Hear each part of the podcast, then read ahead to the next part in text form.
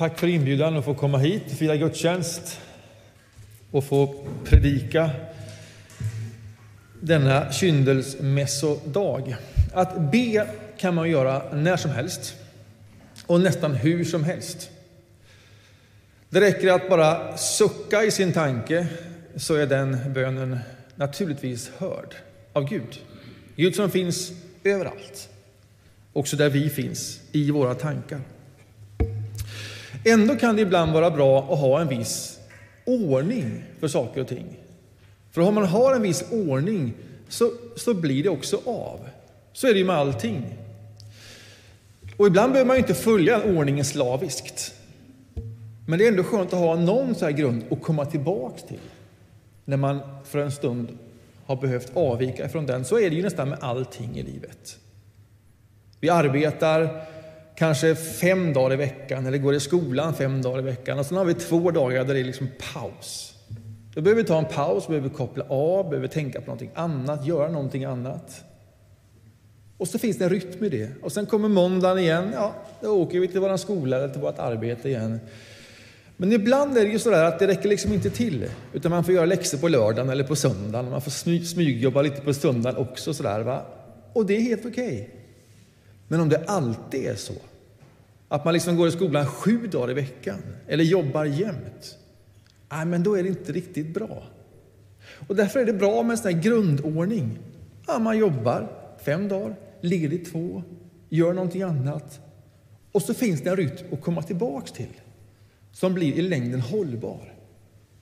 Och så får man liksom saker och ting gjort. Och så där är det också med, med bön. Det kan vara bra att ha en liten så grundläggande ordning. Jag ber min aftonbön. Det kan vara så enkelt. Det måste man ju inte göra varje dag. Men om man tänker sig att jag har en liten grundordning så kanske det också blir av.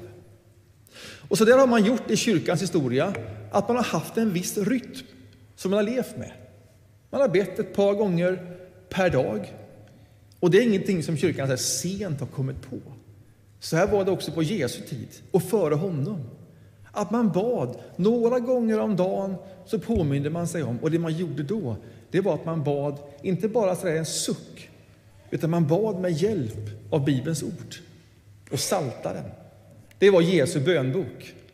Han återkom till de här berättelserna och texterna och så var det liksom med de orden som man bad. Och så gjorde man det ett par gånger om dagen. Det här har man framförallt förvaltat i klostren och i kommuniteten. Alltså där man ber på heltid. Liksom. Det är kallelsen och det är yrket.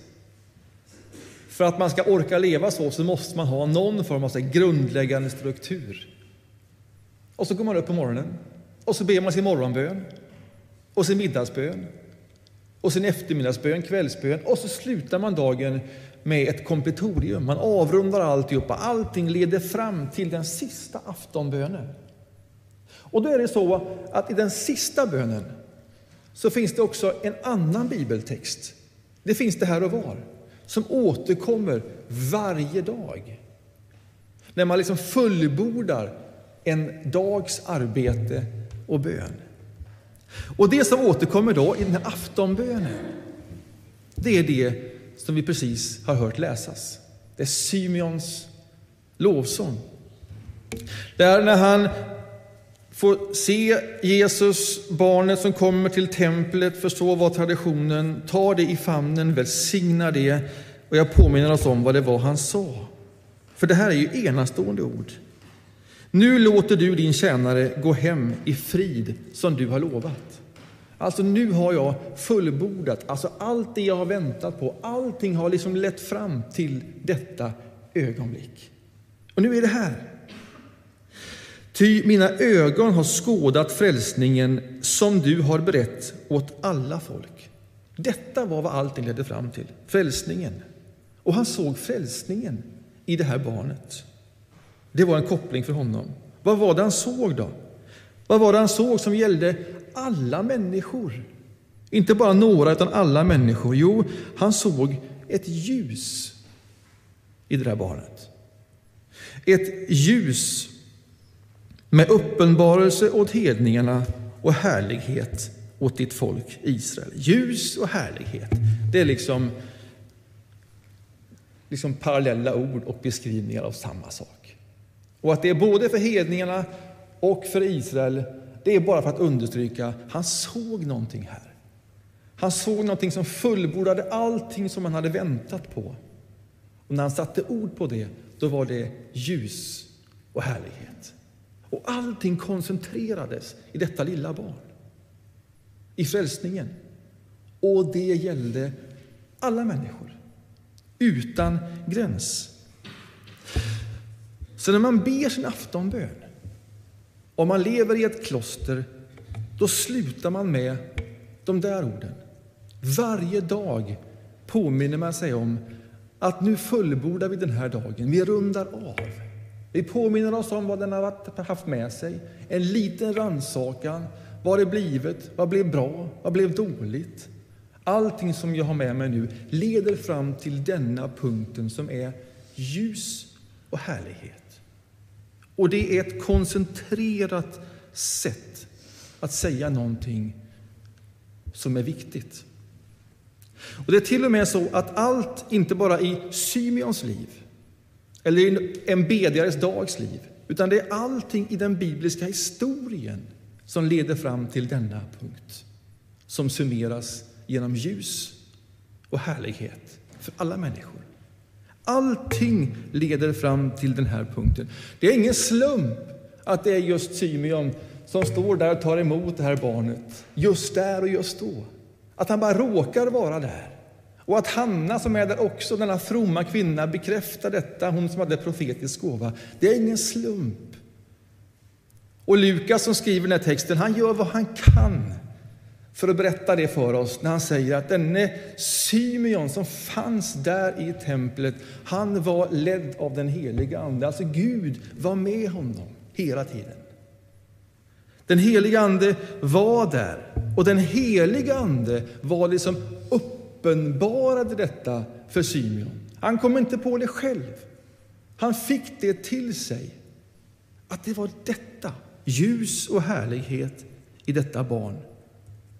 Och anden var det som ledde honom till den platsen och den stunden. Tre gånger beskriver Lukas hur anden liksom leder och vakar över detta ögonblick som om det vore förberett en lång, lång, lång, lång, lång, lång tid. Och sen fullbordas det. Det är en sån punkt. Och den punkten är att Gud har inte övergivit sin skapelse. Ingen enda människa. Det är det som uppenbaras där, när Gud är ett ljus för alla människor som vill öppna upp dörren för det ljuset, som vill ta emot det ljuset. Och den här dagen, den här berättelsen blev tidigt viktig i kyrkans historia. Man kan spåra det så tidigt som till 300-talet. Det är man väldigt tidigt, det är väldigt länge sedan. Och då sa han, det här är en dag som vi måste uppmärksamma som en minnesdag. Och så läste man den här berättelsen och den här dagen, då bar man in alla ljus som skulle användas under resten av året i gudstjänsten. Man bar in dem i procession och sen välsignade man de här ljusen. För att tända ett ljus i en gudstjänst, det är ingen vilken handling som helst. Den är laddad med innehåll. Det är i sig en liturgisk handling. Vi tänder inte ljus för att det är mysigt primärt, även om det också är det. Vi tänder inte ljus för att det är trevligt, även om det också är det. Vi tänder inte för att det luktar gott, även om det gör det. Vi tänder det som en liturgisk handling. Vi tänder det som ett tecken på någonting mycket, mycket större. Och när vi tänder det och vi påminner oss om denna berättelse, när Symeon välsignar familjen och Jesus och sätter ord på detta, så tänder vi ju inte ljuset för att komma ihåg den berättelsen. Vi tänder inte ljuset för att nu ska vi minnas hur Jesus en gång bars fram i templet. När vi tänder ljusen, då tänder vi det som en påminnelse om det som uppenbaras när Jesus bärs fram i templet. Det vill säga, i honom finns frälsningen. Han är ljus. Och han är ljus inte bara för några människor, utan för alla människor är han ljus. Och allting hade lett fram till den punkten och så lever vi sen i ljuset av den händelsen. Och varje gång vi tänder ett ljus här så knyter vi liksom an till det.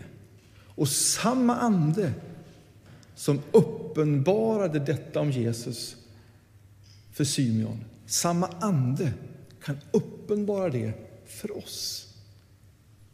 Så att också vi kan se detta ljus, denna härlighet. Att det också handlar om våra ljus. Och det där med ljus är ju en kraftfull symbol, ett kraftfullt tänk. Alltså ljus och mörker befinner sig inte i jämvikt. Tänk att vi har två rum precis bredvid varandra. Och så är det en dörr däremellan, alltså en vägg och en dörr. I det ena rummet är det mörkt, becksvart. Och i det andra rummet är det ljust, fullt ljus. Om jag då öppnar dörren lite grann mellan de här två rummen, vad händer då? Jo, då blir det lite ljusare i det mörka rummet. Men det är ju inte så att det blir lite mörkare i det ljusa rummet. Alltså, mörkret flödar inte in i det ljusa rummet. Det är bara så att ljuset flödar in i det mörka rummet. Därför är det aldrig en jämviktsförhållande mellan mörker och ljus. Ljus är alltid starkare än mörkret. Och det är därför som vi tänder våra ljus, det är därför som vi ber, det är därför som vi firar gudstjänst. För att öppna dörren till våra hjärtan, att liksom hålla den på glänt för att släppa in ljuset som är Jesus Kristus. Och göra det så mycket som det går. Och därför kan det ibland vara bra att ha en liten ordning. Att jag slutar dagen med att be, eller jag börjar med att be. Aldrig så kort och enkelt, men ändå. Det är ett sätt att hålla dörren till hjärtat öppet, så att ljuset strömmar in där. Det är hela poängen med att fira gudstjänst. Det är vad allting syftar till. Att öppna sitt hjärta så mycket som det bara är möjligt, så att ljuset tränger ut mörkret. Och när Paulus, en av giganterna i Nya testamentet, när han beskriver hur det en gång ska slutas, då säger han då blir Gud allt och i alla. Det vill säga inte bara dörren är öppen, väggen är riven och så är det ljust överallt. Och Gud finns ibland dem. Och inget mörker existerar. Alltså allt detta är ett ljus laddat med. Och det är det vi påminner oss om en dag som denna, kyndelsmässodagen. Så om du känner för dig själv att det känns lite hopplöst, för så är ju livet ibland. Tänd ett ljus, och då är det inte en sentimental händelse. Utan då är det som en förlängning av den gudstjänsten som vi firar här så knyter man an till detta också där hemma och tänder sitt ljus. Och där och då kan Anden uppenbara det stora ljuset, Jesu närvaro, in i det. När man inte riktigt kan somna för man ligger och gruvar sig över någonting, öppna dörren på glänt och låt han komma in i dig, han som är ljus du kan till och med göra det som en helig vana. Tillsammans med miljoner bedjare över hela världen. Att avsluta dagen med just med Symeons ord. Idag har du uppenbarat någonting. Ett ljus. Ett ljus för alla människor. Att läsa de korta stroferna, det är en god vana. Och vad vi då också gör är inte bara att vi somnar i frid, i tillit. Vi packar också kappsäcken för nästa dag som kommer. Vi somnar med dörren på glänt. Och vi tar emot ljuset. Och det gör ju vi också för att i det som väntar i nästa dag och vecka bära ljuset vidare. Det är vår uppgift och kallelse.